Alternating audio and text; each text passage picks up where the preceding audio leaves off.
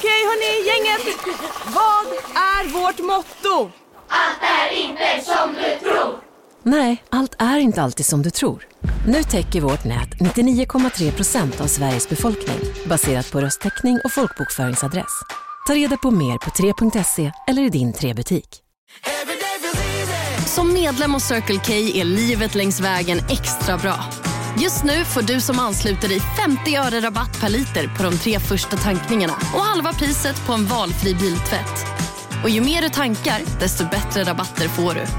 Välkommen till Circle K. Välkommen till Maccafé på utvalda McDonalds restauranger med Baristakaffe till rimligt pris. Vad sägs om en latte eller cappuccino för bara 35 kronor? Alltid gjorda av våra utbildade baristor.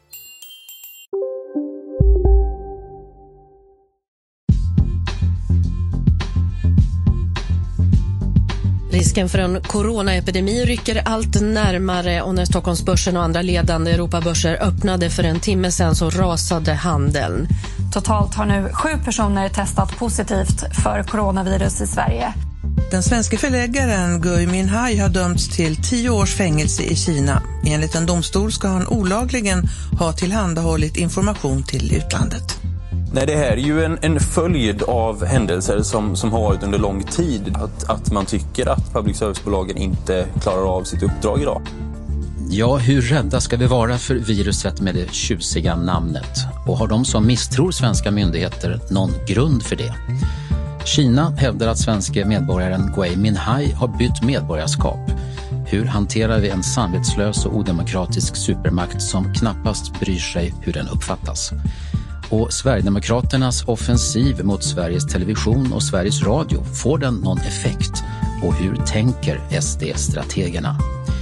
Varmt välkomna till veckopanelen från Kvartal med Jessica Stegrud, Lars Ohly och Sven Dahl. Jag heter Staffan Dopping.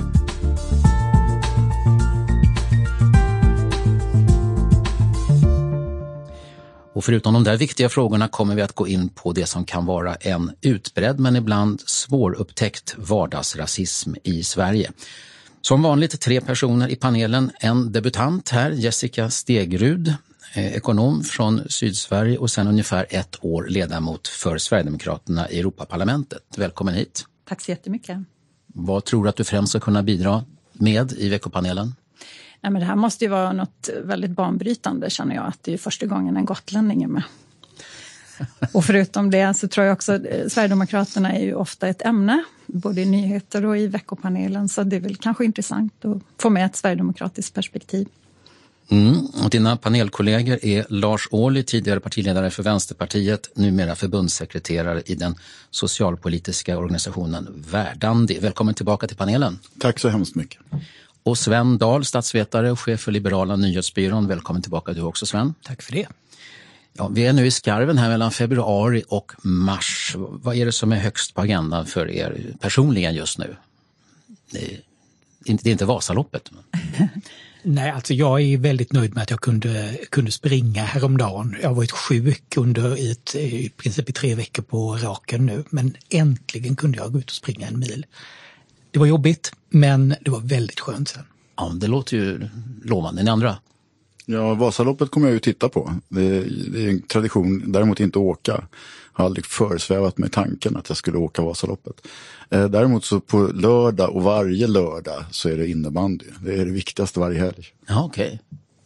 Och jag, jag för tiden så reser jag ju, jag är ju i Bryssel eller Strasbourg varje vecka. Så att det här är faktiskt en av få lediga veckor eller där jag kan vara hemma i Sverige. Så det är jätteskönt. Vi börjar med eh, ett par saker som har dykt upp i veckan som vi tar upp lite mer kortfattat. I torsdags kom Socialdemokraternas partisekreterare Lena Rådström Båstad med ett smått hotfullt budskap mot Centerpartiet och Liberalerna. Om det inte blir höjda pensioner nästa år i enlighet med ett löfte som Stefan Löfven gav på 1 maj 2018 så är det så kallade januariavtalet i fara om man får tro Rådström Båstad. Sven Dahl, är det här verkligen en fråga som samarbetet kan spricka på? Jag tror inte att den frågan i sig kommer att göra att, att avtalet spricker, men det är ytterligare en liten pusselbit som visar alltså hur instabilt det här är. Sen är det också intressant att komma ihåg att detta är första gången som Socialdemokraterna börjar ställa ultimativa krav i relationen till till Centerpartiet och Liberalerna.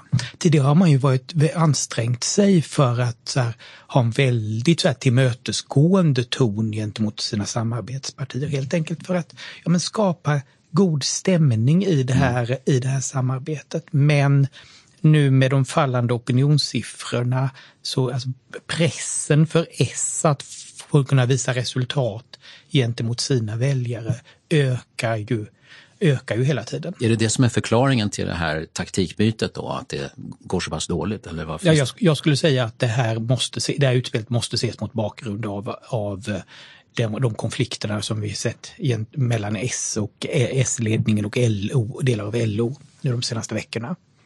Men hur kommer Centern och Liberalerna svara på det här? Det känns som att om inte ni är med på just den här pensionshöjningen 2021 så då ska ni inte vara säkra på någonting. Nej, alltså jag, tror att, jag tror att de kommer att svara på ungefär det sättet som de gjort. Att det här är att, eh, att det här att det blir, man, vis, man visar att, att eh, det här går inte ihop med andra saker. Det här, alltså kommer, det här, om man höjer den här pensionen så måste man antingen ta det till, till pensionsgruppen i riksdagen. Där förmodligen får man med Moderaterna och eh, Kristdemokraterna och som kommer att sänka det här. Eller så kommer man att behöva höja skatten tvärt emot vad som står i andra punkter i avtalet. Ja, och så är det igång igen. Vad säger ni andra om det här? Alltså Sven har helt rätt på en punkt och det är ju den att det här är ett utslag av de dåliga opinionssiffrorna och kanske framförallt den hårda interna kritiken. Eh, reformisterna som har bildats driver pensionsfrågan som sin viktigaste fråga just nu. LO är väldigt tydliga, eh, flera fackförbund dessutom. Men jag är lite tveksam till eh, slutsatsen om hur det kommer att gå. Jag tror att Centern och Liberalerna har ingenting att vinna på att framstå som försvarare av ett uselt pensionssystem som gör folk fattiga. Därför att det är precis vad som händer just nu. Det här pensionssystemet med Bo Könberg i spetsen har gjort att vi har en ny underklass bland äldre människor i Sverige. Och jag tror att eh, de som till varje pris vill bevara det här systemet, de kommer att förlora på det. Så jag tror att det finns en öppenhet att diskutera det här från Centern och Liberalerna. Eh, däremot så vill man inte låta Socialdemokraterna ta hem frågan. Det kanske är så att man tar över den själva. Kommer med egna förslag om förbättringar av pensionssystemet. Eh, men att slutresultatet ändå blir att man på något sätt ändrar. Mm. Jo, men jag håller faktiskt med där. Jag tror att det här är lite grann av en vad ska man säga, comeback-fråga för Socialdemokraterna som sjunker allt mer nu i opinionen och framförallt eh, till fördel för SD. Då. Man försöker, man har så lågt eh, förtroende när det gäller just den stora frågan idag, invandringsfrågan, en av de frågor som verkligen engagerar väljarna och medborgarna. Så man måste hitta en annan fokusfråga. Och här har ju många ledande inom rörelsen varit ute och sagt att pensionsfrågan ska bli den. Och vi vet ju också, Ardalan Shekarabi har ju varit ute i debatten och försökt göra det till sin profilfråga. Så jag tror det är mm. flytta fokus, också utmejsla en valstrategi nu för eh, Fortsättning kommande följer val. gissningsvis. Eh, vi på Kvartal publicerade i veckan en text av journalisten Ulrika Nandra som eh, väckte ett antal frågor och fick många reaktioner på temat rasism. Och då inte den, den där klockrena, brutala rasismen utan en ibland lite mer nedtonad eller subtil diskriminering baserad på etnicitet eller hudfärg. Har ni läst Ulrika Nandras text? Absolut. Ja. Mm. Vad får ni ut av den? Alltså det är inte ofta jag eh, uppmanar folk att läsa Kvartal, ska jag säga, ärligt. Men den här gången, läs Ulrika Nandras text. Den är Eh, jag kanske inte skriver under på allting som står där, men den är fantastiskt välformulerad och den är ett uttryck för ett sätt att tänka som jag tror att väldigt många eh, i Sverige inte gör vardagligen. Nämligen sättet att se på rasism, inte bara som den tydliga rasismen i form av eh, folkmord eller utrotning eller, eller apartheid eller så. Utan faktiskt den vardagliga rasism som människor med ett annat utseende eller med en annan bakgrund utsätts för i princip i varenda situation i livet och hur många vi är som är privilegierade utan att tänka på det och utan att reflektera över det. Eh, det här är en väldigt, väldigt viktig text. Väldigt, väldigt bra att ni publicerar den. Vad säger Jessica Stegrud? Jag tycker den är väldigt intressant. Eh, och eh, hon ställer ju en väldigt viktig fråga, eller hon konstaterar ju någonting i inledningen av texten och det är att det här går inte att mäta. Så det handlar ju om väldigt subjektiva upplevelser och den kan man, det kan man absolut inte ta ifrån någon. Men det finns ett begrepp som heter availability heuristics som handlar om att om man letar efter någonting så kommer du alltid hitta tecken på det. Eh, men det behöver inte betyda att det är ett systematiskt eh, systemfel eller att det sker på någon strukturerad övergripande nivå. Eh, rasism är verkligen förkastligt och ska ju bekämpas med alla medel, så det är inte det. Men man har också problemet med rasism idag och uttrycket, det är att man har använt det så himla vitt och brett. Eh, man använder det för att tysta meningsmotståndare när det inte alls är befogat. Men, men det som Nandra skriver om, är det något mer som du har fastnat ja, för? Ja, nej, men det är just det här. Och jag brukar dra parallellen till exempel, jag har jobbat i väldigt mansdominerade branscher hela mitt liv. Om jag hade ingången i eh, att de här företagen var väldigt sexistiska, då skulle jag ju tolka varenda situation. Om jag inte får en tjänst, om någon är otrevlig mot mig på ett möte för att jag är kvinna, så skulle jag ju tycka att det var ett väldigt sexistiskt företag. Och det behöver inte det kan vara så. Det har säkert varit sådana situationer återigen, det finns rasism och man får också lite grann vad man letar efter. Men jag tycker att det är en väldigt viktig diskussion att föra. Jag tycker det är en intressant artikel. Jag råder alla att, eh, att läsa den också.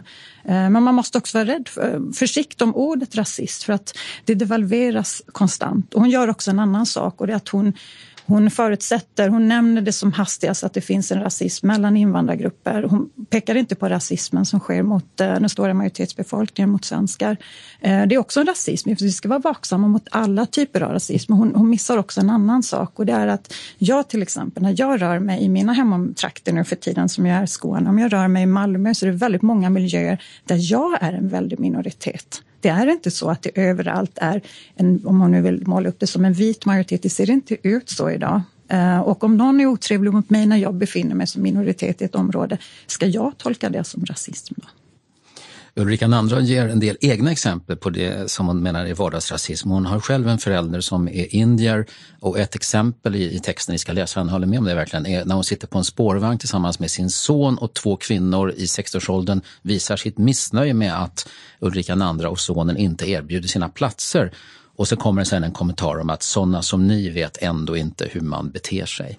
Jag måste bara inflika, för jag läste det också, jag tyckte det var, det är ju en fruktansvärd situation. Jag vill bara säga, när jag tittar på bilden av henne så ser jag en otroligt snygg kvinna. Det är vad jag ser.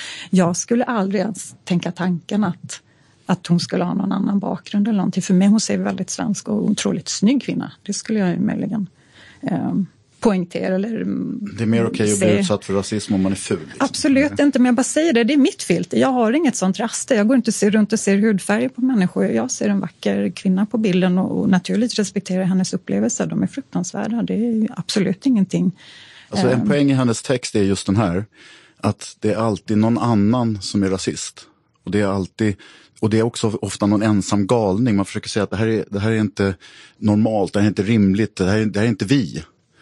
Men det hennes text genomsyras av är just att, att det gäller oss alla och i alla situationer. Att den här frågan genomsyrar hela samhället och drabbar människor som är rasifierade, som har en annan etnisk bakgrund och som det syns på att man har en annan etnisk bakgrund. Men gör det henne fri från rasism? Är hon helt? Nej, själv, självklart, är det som självklart det inte, men det är som att säga att när, när, man diskuterar mäns våld mot kvinnor, ja det finns kvinnor som slår män.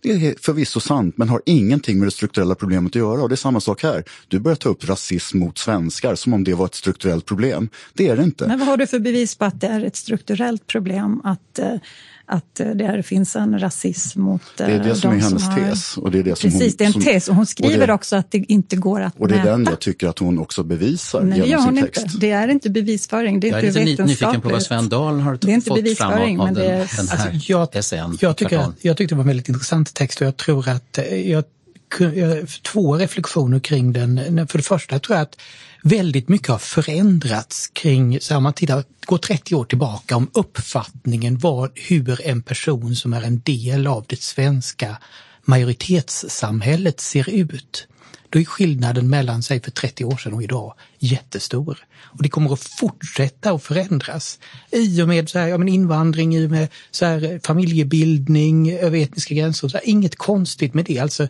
bilden av vad som är en svensk kommer, är, förändras hela tiden. Sen tror jag i och för sig att det finns en sak som kanske gjort det här lite lite svårare och som gjort att den här, den här vardagsrasismen som jag, jag menar jag känner igen många, jag har fått många berättelser liknande det här har jag hört genom åren. Någonting som gjort det att gjort att det kunnat leva vidare så pass mycket är nog den här den ängsligheten som funnits kring att prata om vad som är ja, men svensk kultur, svenska värderingar. Och just genom att vi inte pratat om det har det varit enklare att hålla så här, ja, hålla bilden av de andra, de som inte är som vi. Om vi hade varit lite mer öppna kring så här, ja men det här är, så här lever vi i Sverige, det här är svensk kultur så hade, nog, ja, men den, hade man nog kunnat minska den här förekomsten av den här vardagsrasismen och tanken på, tanken på de andra, som ju absolut uppenbart fortfarande finns. Reaktioner på essän En blick på rasisten i dig. Får jag bara säga en risk med Svens eh, resonemang, det är att Sveriges historia är inte fläckfri från rasism heller. Alltså det finns väldigt mycket i vår historia som är avskyvärt, eh, också ur eh, det rasistiska perspektivet. Eh, och ifall man försöker definiera Sverige och Sver det svenska som någonting enbart positivt, då kommer man att hamna där att man kommer att förneka det som är kanske grunden för att man själv börjar förstå vilket system man verkar inom. Eh, vill man inte bli kallad rasist, då ska man inte säga rasistiska saker eller försvara rasism när den uppstår.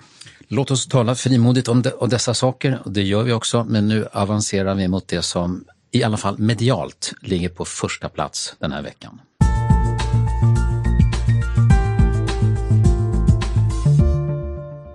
Totalt eh, sju personer har hittills smittats med coronaviruset i Sverige. På grund av oro för smittspridning så uppmanar vissa företag anställda att stanna hemma i 14 dagar. Risken för en coronaepidemi rycker allt närmare och när Stockholmsbörsen och andra ledande Europabörser öppnade för en timme sedan så rasade handeln. Nyhetsröster från först SVT Rapport, sen Eko till Sveriges Radio. I torsdags kväll hade sju personer i Sverige smittats av covid-19 som är det officiella namnet på den sjukdom som orsakas av det senaste coronaviruset. Och när fall nummer 8, 9 och så vidare upptäcks av Vårdsverige så kommer det också att generera nyhetstelegram, prognostiserar jag i detta nu. Och frågan är förstås, är det rätt och rimligt att skildra den här smittan som om Sverige var utsatt för en naturkatastrof? Vad säger ni? Nej, det är inte rimligt. Samtidigt som det är jätteviktigt att säga då att det här är inte någonting man ska ta lätt på. Det här är, är en, en möjlig epidemi. Det är en, det, det är en fara och det, dessutom varenda människa som drabbas och som riskerar att till och med dö i den här sjukdomen är en tragedi som vi ska försöka undvika. Men och det är där jag lite tycker att det farliga finns i den här rapporteringen. Det är att rädslan är den sämsta grogrunden för förnuftigt fattade beslut i alla lägen. Det är alltid fel politiska krafter som försöker uppmuntra rädsla. Ja, jag tänkte faktiskt fråga så här, du, är det coronaviruset som är det farligaste eller är det vår rädsla för viruset? Ja, viruset är definitivt farligt, men och så att jag skulle inte ställa under, eller skriva under på det som Franklin Delano Roosevelt sa. The only thing we have to fear is fear itself. Så är, så är det inte. Men rädslan är farlig. Och blir den, eh, utvecklas den till någon sorts panisk reaktion bland människor i allmänhet, då kan det bli så att det är värre än själva epidemin. Mm. Så att det är viktigt både för myndighetspersoner, offentliga personer och också media att faktiskt inte bidra till det utan försöka att spegla fakta kring den här sjukdomen. Jag jämför, jag jämför lite med, eh, med så här, svininfluensan, det är, var det 2010 och eh, hur, för då, redan då tänkte jag på så här att tongångarna i media var hyfsat uppskruvade. Nu är det så här hundra gånger värre att medielogiken har tagit några varv till. Så att jag, jag skulle säga, jag tycker, det, jag tycker helt ärligt att det är svårt att bedöma det här. Alltså på ett sätt, ja, det här verkar finnas uppenbara risker med det. Å andra sidan är det verkligen ett skäl att så som vissa verkar argumentera för att man i princip ska stänga ner hela samhället. Ehm, jag tror inte det. Alltså jag, jag känner inte riktigt där att, eh, eller jag, jag har svårt att göra den bedömningen. Mm. Utan känner lite att det finns, finns lite för många som agerar som om de hade satt och tittade på en zombieapokalypsfilm. Att det får lite för mycket de tongångarna ibland. När ett nytt fall av den här virussjukdomen är konstaterat så bruk, frågar journalisterna chefsläkaren någon så här, hur den sjuke mår. Och svaret är alltid då relativt väl då, säger de då. Jessica... Lite förskräckt av mediebevakningen möjligtvis skulle kunna vara ett svar ja, också. Men, då, ja, Jessica Stegerud, vad, vad, säger du om det här? Jag tycker det här är väldigt intressant för det säger så mycket om vår samtid och, och det du säger om media och det är ju helt rätt och det, det, man får ju så otroligt mycket information idag. Um, informationen är ju inte nationell, den är global och det finns ju Youtube-kanaler som upprättats bara för att rapportera om det här och så vidare så att du kan ju få Ehm, Ehm, hur mycket eller hur lite du vill av det här. Men det jag tycker är intressant är att konstatera, jag tror att även om det här inte kommer urarta, om man får säga så, bli en riktigt allvarlig pandemi, så någon gång kommer vi möta det. det. Det tror jag är bara en tidsfråga när vi verkligen åker på det. Och då kan man ju fråga, vad är det mest effektiva sättet att hantera det? Och då kan vi titta redan idag på Singapore som i stort sett har allting under kontroll. Och varför har man det? Jo, för man var tidigt ute. Man har full kontroll på vilka som befinner sig, vilka som har rest åt olika håll och man har en väl fungerande sjukvård. Så där har man ju tagit ner den här smittspridningen, nästan minimerat den. Så det är ett väldigt gott exempel. Om man drar då parallellen till Sverige Eh, vi är ju generellt sett väldigt duktiga på att hantera virus och infektionssjukdomar och eh, har en hög kompetens, men det vi inte har är ju kapacitet. Vi hade ju förra veckan det stabsläget på Södersjukhuset och det var en helt vanlig, en helt vanlig kväll, en helt vanlig vecka. Tänk dig då att du får ett riktigt utbrott och sen då har vi inte den beredskapen. Sen en sista sak då, det är också en intressant sak att de här stora, eftersom allting är globalt idag, virus sprider sig och så vidare, så påverkar det också världsekonomin. Vi ser konjunkturen går ner nu kanske.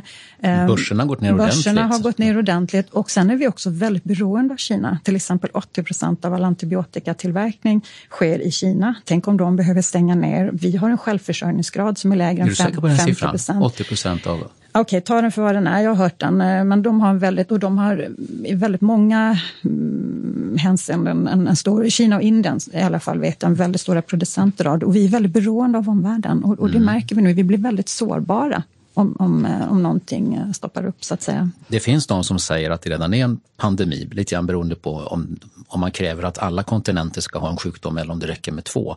Men däremot tycks det vara, åtminstone WHO, Världshälsoorganisationen, har sagt för länge sedan att det är en infodemi, om ni har hört det ordet.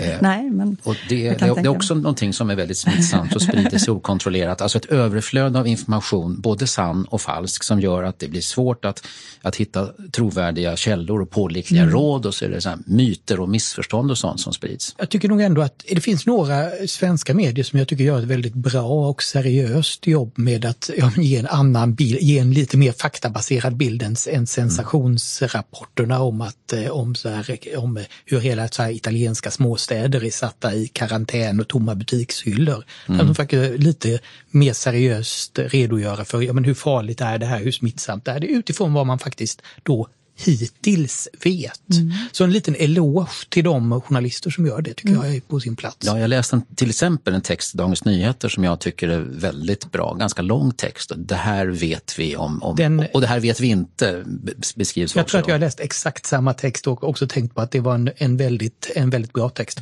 Jag kan hålla med om det, men bara det att den vägs ju upp av även i Dagens Nyheter, andra braskande nyhetsrubriker. Risken att man läser allt. Ja, och, och, och det finns ju eh, alltså medier kan vara bra och dåliga samtidigt. Eh, men den här typen av faktagenomgång är ju oerhört viktig. Mm. Samtidigt ska jag säga att jag har försökt att läsa hur den här eh, coronaepidemin står sig i förhållande till andra virussjukdomar som vi har haft. Influensa men också svininfluensa och andra.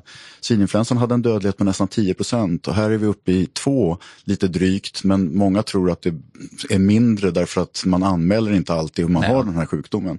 Eh, en vanlig influensa kan gå upp till, upp till 0,5 i dödlighet. Så att det är, det är inte, alltså om man lyssnar på vad folk tror så tror de att det här är den farligaste epidemin i världshistorien. Så är det inte.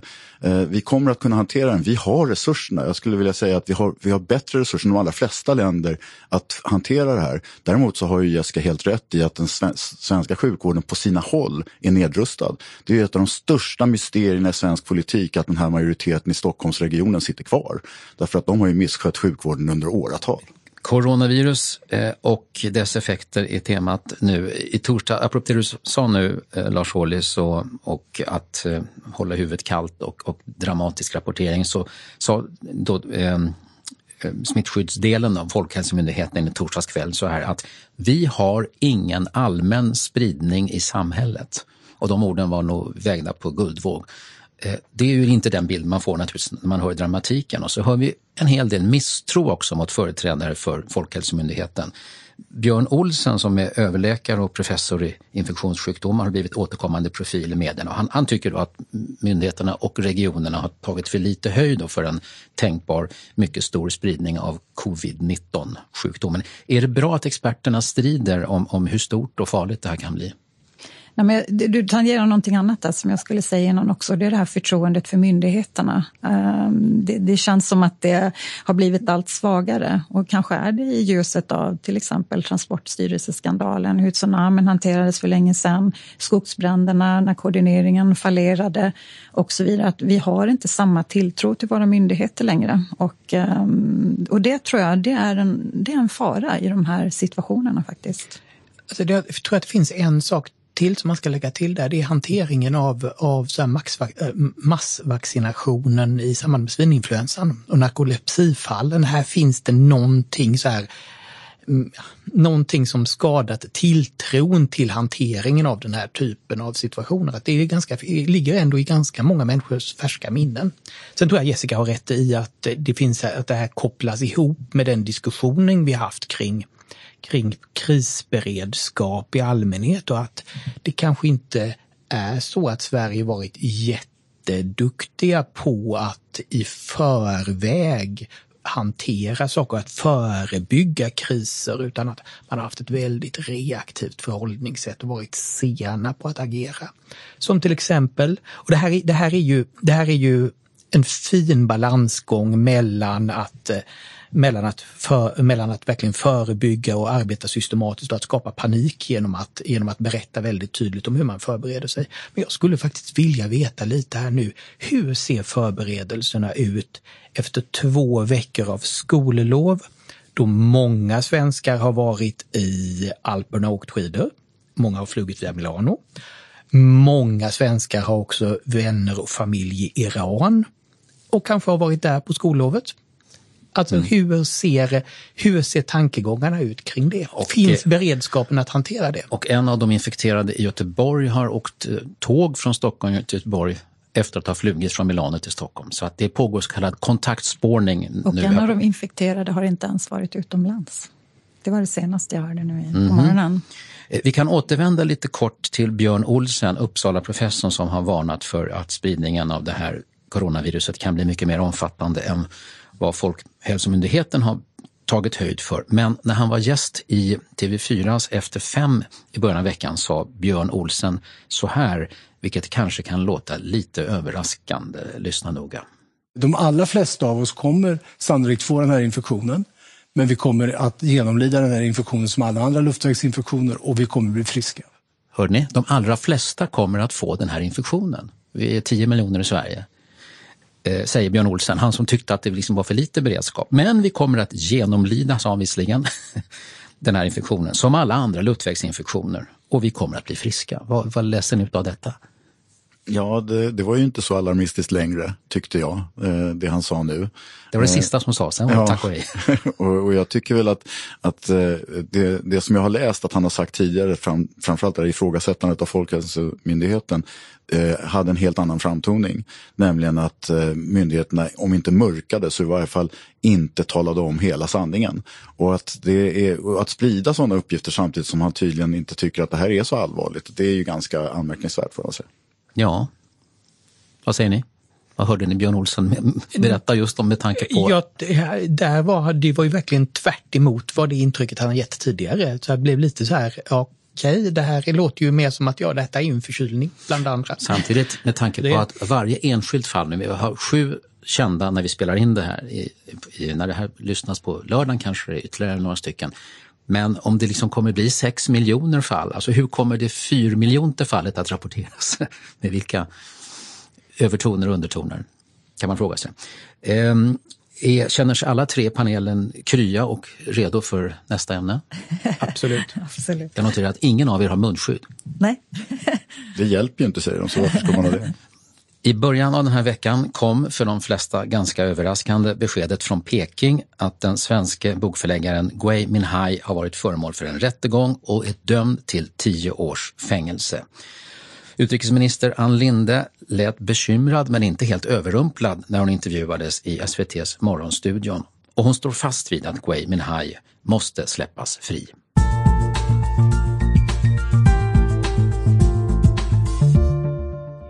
Vi kräver ju fortsatt eh, Guminais eh, frisläppande och nu försöker vi få så mycket information som möjligt i ärendet. Vi fick ju också veta det här eh, i natt och har inte haft någon information tidigare om att eh, det var på gång. Eh, vi har inte haft tillträde till rättegången och vi har inte kunnat granska åtalet eller erbjuda tillgång till juridisk biträde. Hur ska Sverige hantera Gui Minhai-ärendet när han nu är dömd till tio års fängelse och påstås inte längre vara svensk medborgare? Svendal?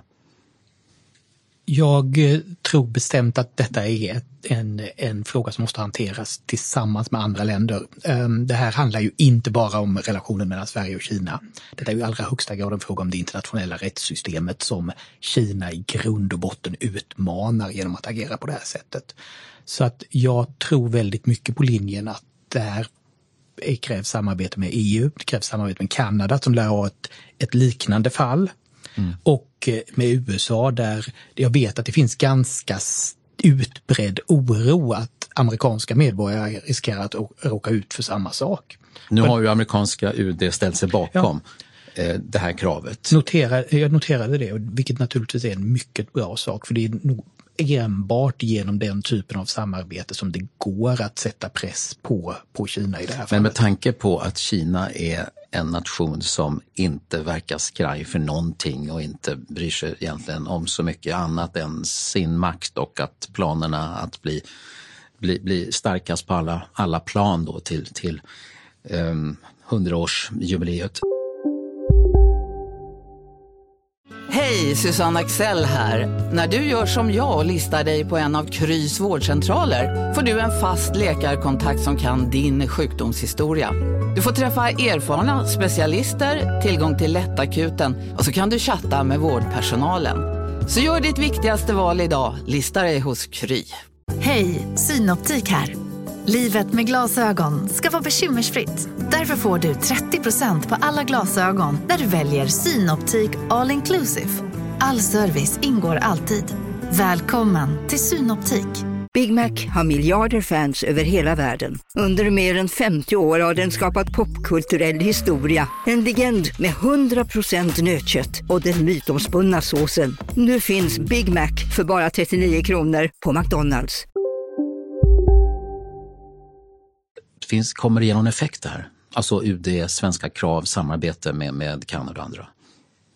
Alltså det är i varje fall ökade chanserna att få genomslagen att om man bara betraktar det som, som en fråga mellan Sverige och, och Kina. Jag, jag kan känna stor sympati för dem som vill, vill utvisa den kinesiska ambassadören och att ganska många i svensk politik lär vara ganska trötta på, den, på, på honom vid det här laget.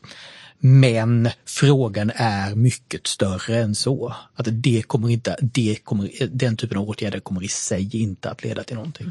Ja, Lars Ohly, ditt gamla parti, då Vänsterpartiet, talespersonen där på utrikesfrågor, Håkan Svenneling, han vill att Kinas ambassadör i Sverige ska förklaras persona non grata och det finns andra partier också.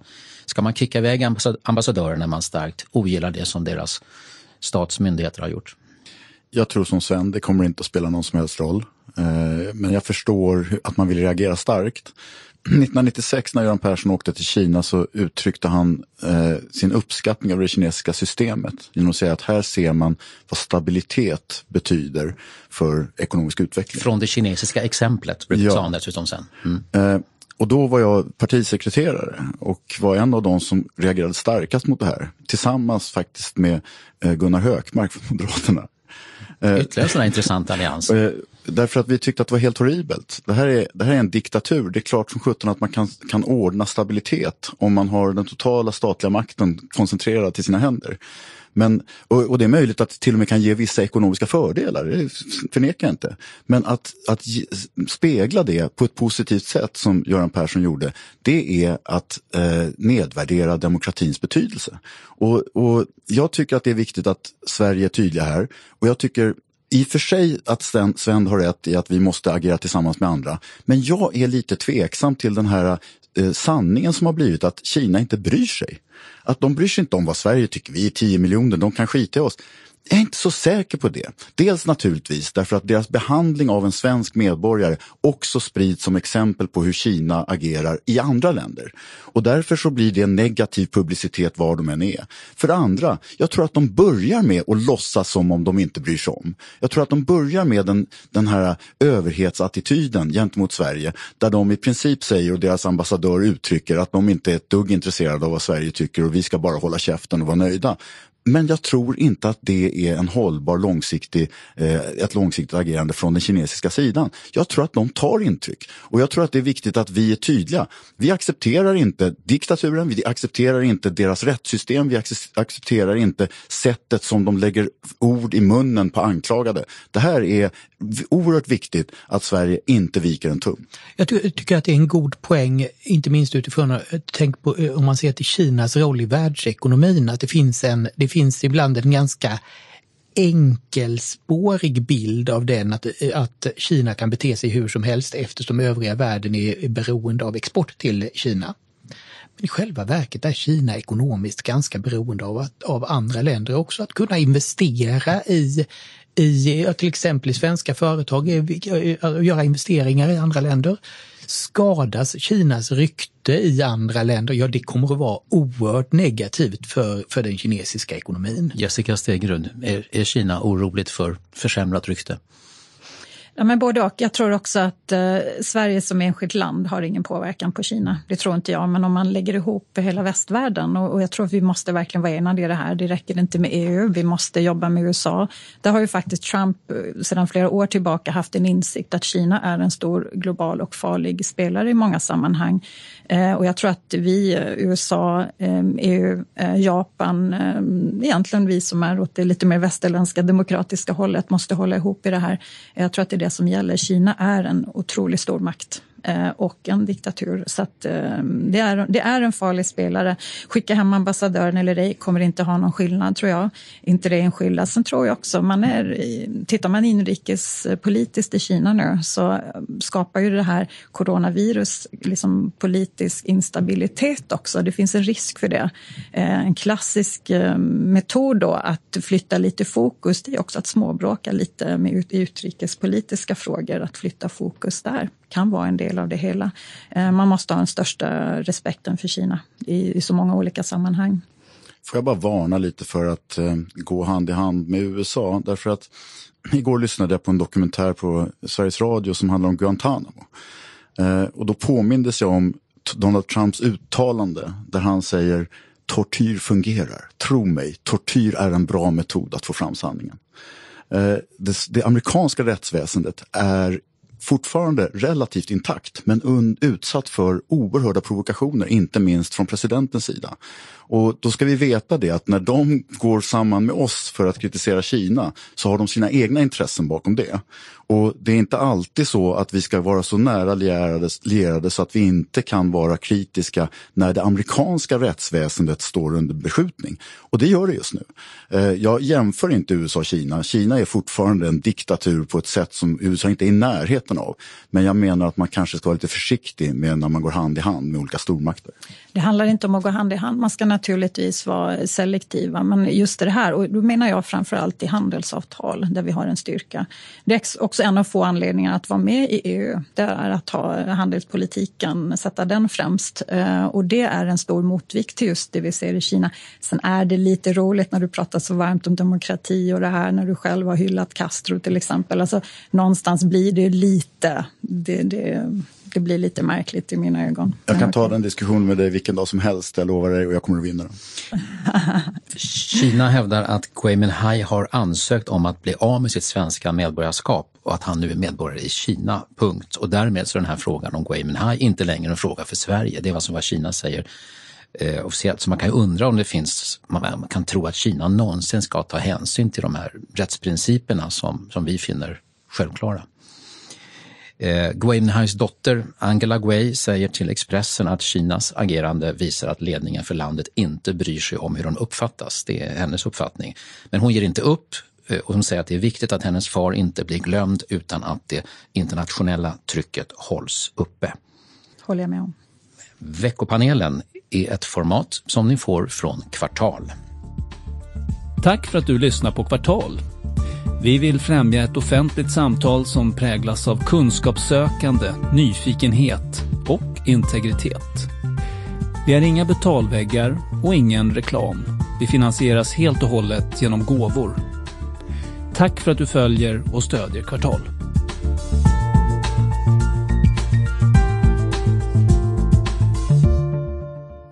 Och så tar vi oss an en fråga som berör mediernas frihet och relationen mellan den första och tredje statsmakten. Sverigedemokraterna har gjort ett utspel som grundar sig i partiets missnöje med Sveriges Television och Sveriges Radio och det är partiets kulturpolitiska talesman Aron Emilsson som har i uppdrag att motivera kravet att riksdagens kulturutskott ska kalla till sig Hanna Stjärne och Silla Bänke för att ställa dem till väggen i ämnet opartiskhet.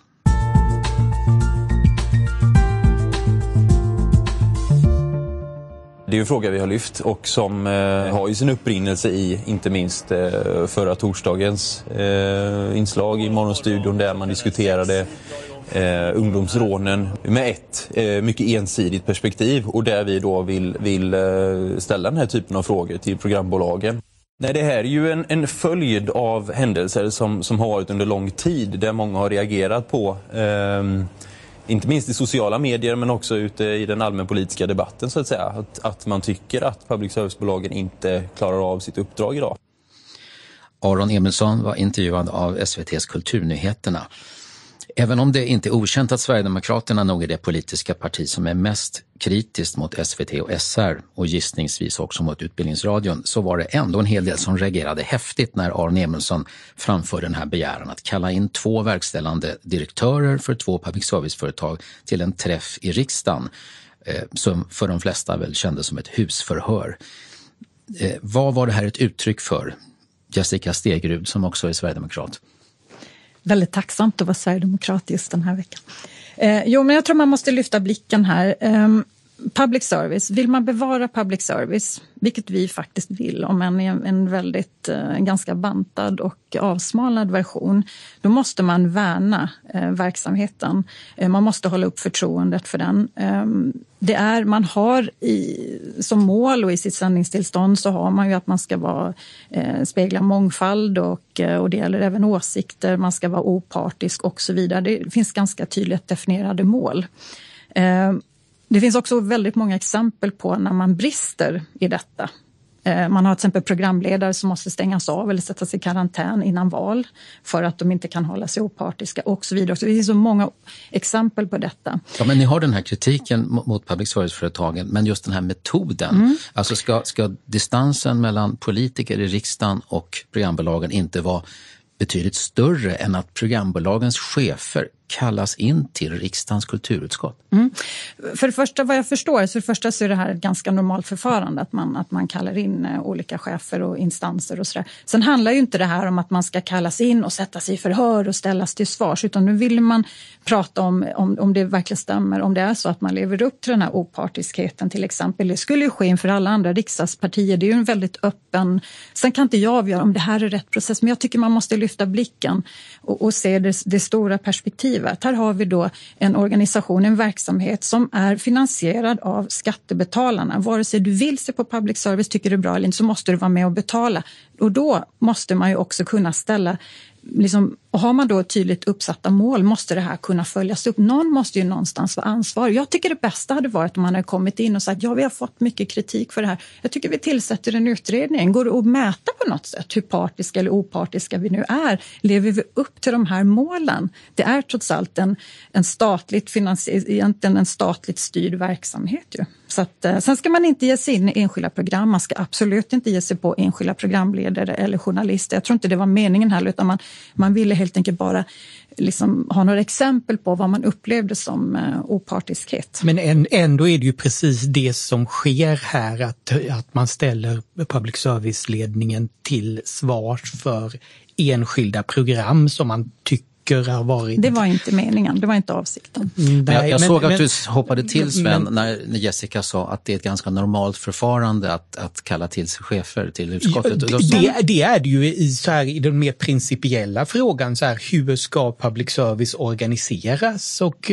där, att, att utskottet har en dialog med, med bolagsledningen, det är ju självklart. Men inte kring, inte kring den här typen av, av detaljer, alltså den publicistiska friheten som är en sak som faktiskt måste hållas borta från, från politiken. Och det blir extra intressant när detta då följs upp med Linus Bylunds intervju i Fokus där han i princip säger att det måste finnas mekanismer för att ja, ja, straffa ens, enskilda journalister som vad, då vad har du läst på något sätt... Kan du citera det? För jag läste det där en och två och tre gånger. Jag tycker inte det han säger. Jag tycker han säger att det handlar om att någon måste någonstans vara ansvarig. Självklart är det inte den enskilda journalisten. Du måste upp på en ledningsnivå i min mening. Någonstans måste väl ändå en koncernchef för en koncern som har ett tydligt uppdrag kunna svara upp på är, har, har vi en måluppfyllelse eller ej?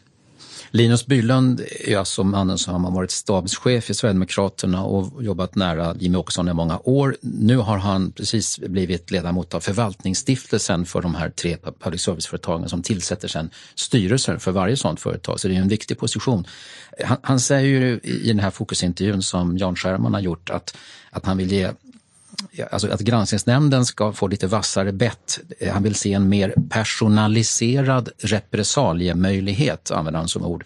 Alltså han menar att om program blir fällda i nämnden så ska det kunna ge konsekvenser för den som har ansvaret på, för innehållet. På olika nivåer i organisationen. Dessutom att han är väldigt, det är väldigt flytande svar där det kan handla om, det kan handla om chefer, det kan handla om mellanchefer och det kan, om jag läser det rätt, handla om, om ja, med programledare till exempel. Han nämner varning, löneavdrag eller i allvarliga fall eh, kunna bli av med jobbet. Frågan är om det här är hela partiets syn. Eh, Lars Ohly, du satt i kulturutskottet några år. Hur har gjorde du, det. Vad är din reaktion på det jag här? Jag ska säga att jag känner viss sympati för Jessica Stegrud därför att jag har under ett långt politiskt liv hamnat i den situationen ibland att jag har försökt försvara sånt som inte går att försvara. Därför att någon har uttalat sig klantigt och jag skulle ändå som företrädare säga förmildra och sådär. Va? Men det här går inte att förmildra därför att för det första, det är inte normalt förfarande att kalla till sig mediebolagens chefer. Man kan inte kalla till sig dem. Bjuda in. Ja, kan man kalla det för bjuda in? Men det är så här att myndighetschefer, de kan vi kalla in. Eh, därför att de lyder under riksdagen. Men det här är ett fristående bolag och de ska inte lyda under någon politisk majoritet överhuvudtaget.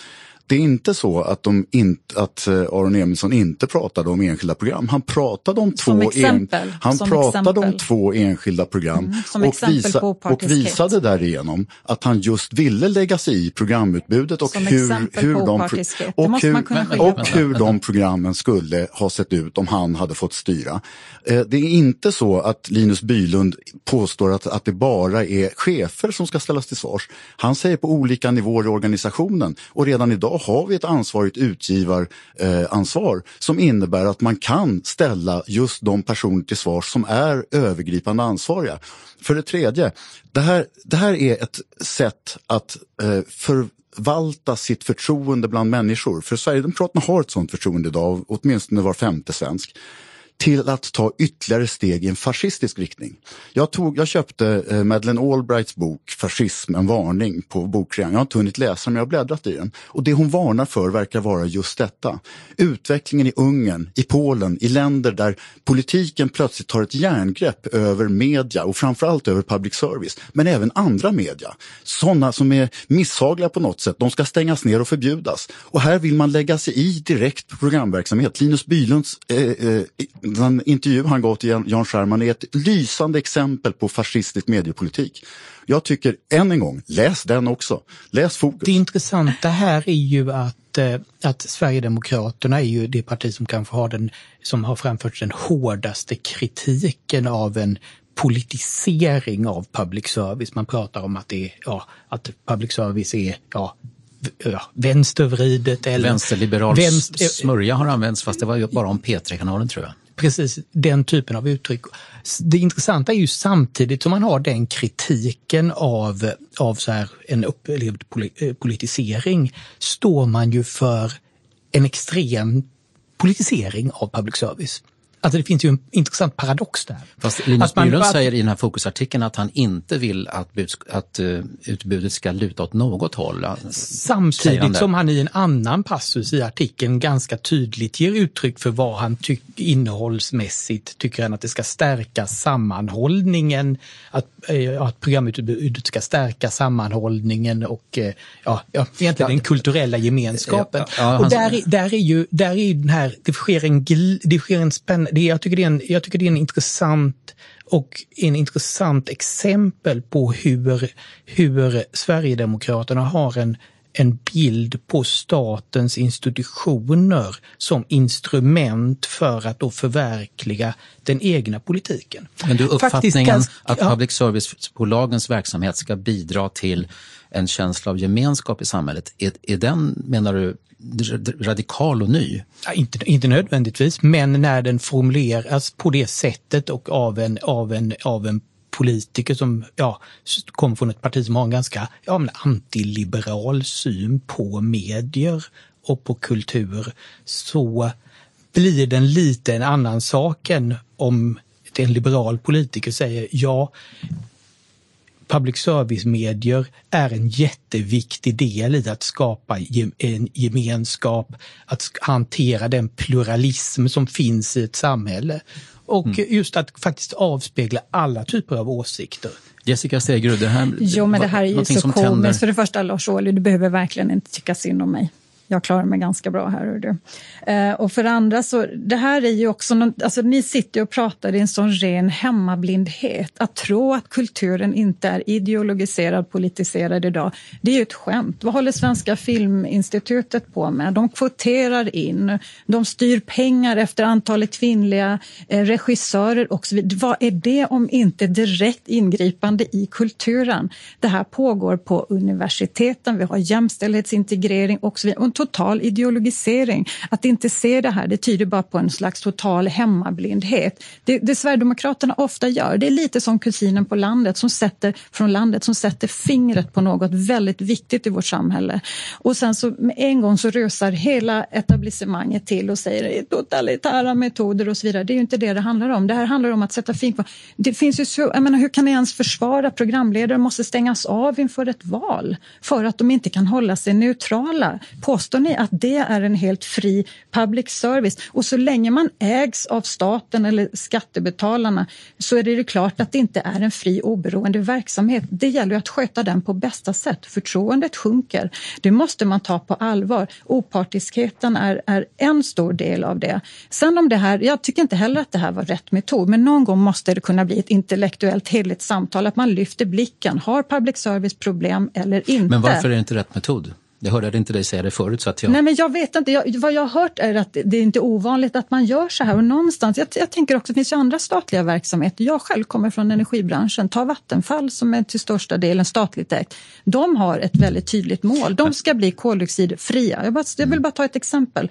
Om de då börjar köpa på sig kolkraftverk, då kommer ju någon ställa dem till svars. Det här var ju inte vad ni skulle syssla med. Är det rimligt att se Sveriges Radio och Sveriges Television som att de har ungefär samma relation till, till riksdag och politiken som, som Vattenfall har till regering och riksdag och näringsdepartementet? Nej, men jag tror man ska inte heller överdramatisera. Man måste kunna se sig själv i spegeln. Man måste kunna ha, de har ett tydligt uppdrag. Någonstans måste det gå att mäta det här. Om det här är en irritationspunkt så måste man kunna, måste kunna mäta det här på något sätt. Man kan inte bara säga, kolla hur tillsättningen av chefer sker. Vi har, sker. Vi har Jan Helin kommer direkt från SD-hatande Aftonbladet rakt in på Sveriges Television. Hur kan man ens tro att det i alla led aldrig någonsin skulle märkas? Skulle Dick Eriksson från samtiden kunna gå in och få samma position och inte bli ifrågasatt?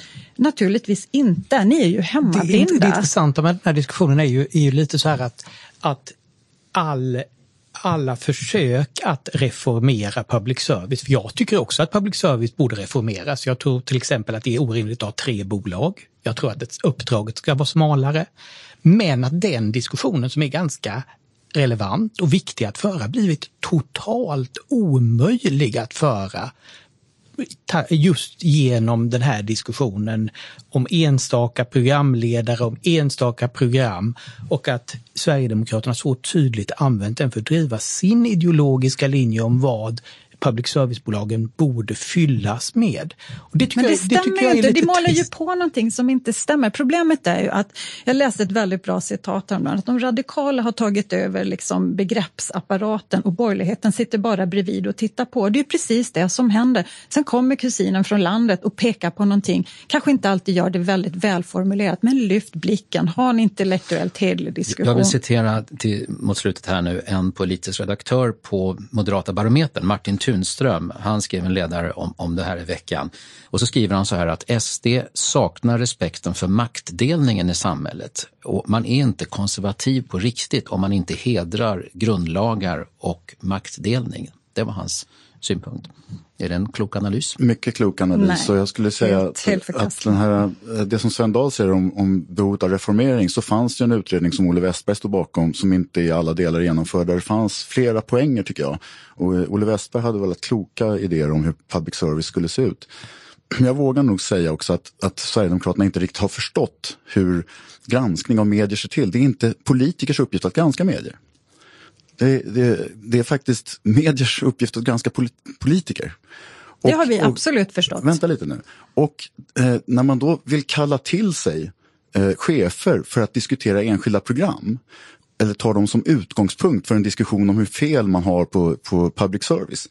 Då har man tagit på sig granskningsnämndens uppgift. Och granskningsnämnden är helt fristående och ska vara från politik de ska ju se till att Sveriges Radio, Sveriges Television och Utbildningsradion följer dels de direktiv som de är satta att följa men också i övrigt god publicis publicistisk sed. Transparens. Och, jag har själv suttit i granskningsnämnden för radio och tv. Eh, jag gör inte det längre men jag vill nämna en sak eh, att de som sitter där är utsedda av Sveriges regering. Inte längre.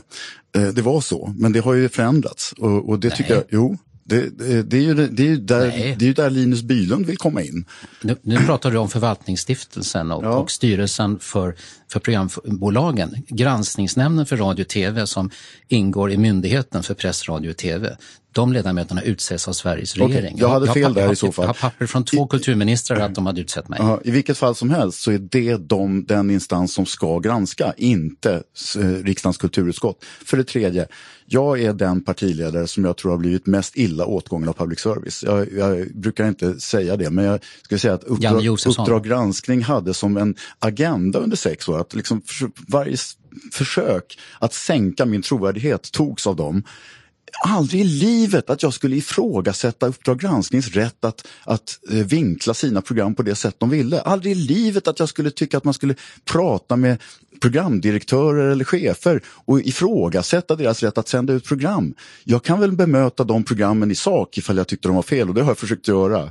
Men aldrig någonsin som politiker gå in och ha idéer om vilket programutbud som ska sändas och hur det ska se ut innehållsmässigt. Den rågången har inte Sverigedemokraterna jo. klart för sig. Nej, det och det inte. är väldigt Det stämmer inte, för läser du också artikeln så står det där tydligt att Linus Bylund säger att det är inte det är inte hans sätt, det är inte, vår, det är inte vi som ska säga vem ska granska på vilket sätt. Granskningsnämnden är bra, den säger han det fungerar. Eh, så att det där är ju också, återigen, bygga de här halmgubbarna och det blir ju någonstans märkligt. Du står ju för en politik där staten ska äga mer och mer eh, och, och tror då att, att man aldrig ska få ha en åsikt på hur det här ägandet sker eller sköts blir ju väldigt märkligt i mina ögon. Och, och någonstans också, det har gjorts eh, undersökningar eller partisympatier till exempel och det lutar ju väldigt mycket åt Miljöpartiet och vänster inom till exempel Sveriges Television. Att, att naivt tro då att man i alla avseenden förhåller sig eh, liksom politiskt neutralt i alla lägen. Och återigen, det finns ju hur många exempel som helst. Varför tar ni inte tag i där... den frågan? Den verkar ju inte viktig. Jag vet att ni vill åsiktsregistrera journalister. Jag, jag tycker inte att det är någon bra idé. Det, det, var inte jag som grät när Berlinmuren föll. Hörru. Jag tycker, jag tycker det, finns en, det, finns en, det finns en poäng i det som, det som Martin Tunström påpekar om det här skepsisen till maktdelning, nämligen som visar att ja, men Sverigedemokraterna är inte, ett, är inte ett liberalt parti i själva verket är, har Sverigedemokraterna en, en syn på statens institutioner som påminner ganska mycket om den som Socialdemokraterna hade historiskt sett. Att man vill använda statens alla institutioner för att främja den egna politiska agendan. Det är därför man i Sverige inte har någon författningsdomstol. Därför vi är det, fram är det Sverigedemokraternas fel att vi inte har någon ny, författningsdomstol menar du? Nej, social, alltså, det är faktiskt en av de saker vi har i vårt politiska ja, program. Jag sa att, att den, socialdemok den extrema synen på folksuveränitetsprincipen som funnits hos, hos Socialdemokraterna är en anledning till det. För att man ville ha kontroll över alla myndigheter och hela, hela statsapparaten för att man helt enkelt såg den som ett e- effektivt instrument för att genomföra sin politik. Och samma syn finns i delar av, i delar av det sverigedemokratiska förhållningssättet till, till staten. Och nej, det, det är inte liberalt, det är sannolikt inte konservativt heller. Men, men det är nog ganska svenskt. Eh, vi måste på något vis eh, kunna runda av också denna veckas panel och då gör vi det med veckans ord eller person beroende på vad ni har att leverera. Sven Dahl. Jag skulle säga att eh, med, med risk för att detta var förra veckans ord, eftersom det var ett sportlov, så är tönterier det absolut roligaste ordet. Eftersom det är i konflikten kring, kring januariöverenskommelsen när, när finansministern avfärdar Liberalernas krav på att det ska på sänkta skatter, att det skulle vara att, eh, som tönterier. Ja, tack, Lars Ohly. Eh, veckans person är Joakim Lamotte och därmed så är veckans ord tönt, eller fjant, som ställer sig upp i en tv-studio med en skyddsväst på sig. Och Magdal Gad skrev på Twitter, jag har levt två och ett halvt år i Afghanistan, jag har aldrig haft skyddsväst. Därmed avslöjade hon veckans tönt. Mm, Jessica Stegrud. Ja, mitt ord är inkluderingsingenjör och eh, hänger ihop med Karlstad universitets eh, reklam eller marknadsföring av sina utbildningar där man då har tagit fram, eh, ja man vill då locka till sig unga studenter naturligtvis och eh, man kan då bli inkluderingsingenjör, man kan bli patriarkatkrossare ehm, och man kunde bli klimatfixare och lite mer. Då, va? Och det här är ju naturligtvis skrivet med glimten i ögat, för klickar man sen på vilka utbildningar man erbjuder så är det ju civilingenjör, bland annat jurist och ekonom och så. Men jag tycker det är roligt för det säger väldigt mycket om vår samtid, att det är så här man lockar. Man vill ha aktivister, eh, man vill ha det. Det är också återigen väldigt ideologiserat eller politiserat även det här. Ehm, och eh, jag tror att den här fokus, just det pratas mycket om att man ska bryta normer, nästan varje utbildning gick ut på normbrytande och så vidare. Då. Och jag känner ju lite stress i det här, för jag tycker att kunskap och vetenskap är viktigare och vår framtida konkurrenskraft urholkas när man håller på med massa sidospår. Mm, mm, tack för det och eh, lite kort om, om det som händer på Kvartal. Vi har redan talat om Ulrika Nandras essä om att få syn på rasisten som kan finnas i de flesta av oss. En annan publicering i veckan är, och den tycks ligga i tiden då, det är Kvartals vetenskapsredaktör Henrik Höjer som har skrivit om kusinäktenskap. Om kusinäktenskapens långa historia och om hur begränsad kunskapen om det här är i Sverige. Forskarna tycks vara ointresserade Vet ej är det vanliga svaret på alla frågor om kusinäktenskap. Läs den också. Och lyssna gärna på Den svenska modellen, en podd som fokuserar på medievärlden och på fredagsintervjun som är med Jonas Trolle, polisen som fångade kapten Klänning men som nu är chef för Center mot våldsbejakande extremism. Då vill jag säga Tack så mycket till veckans panel. Lars Ohly, förbundssekreterare på Verdandi, Jessica Stegrud, Europaparlamentariker för Sverigedemokraterna och Sven Dahl, statsvetare och chef för Liberala nyhetsbyrån. Tack för idag. Tack. Tack så mycket. Veckopanelen kommer tillbaka. Det kan ni lita på. Trevlig helg.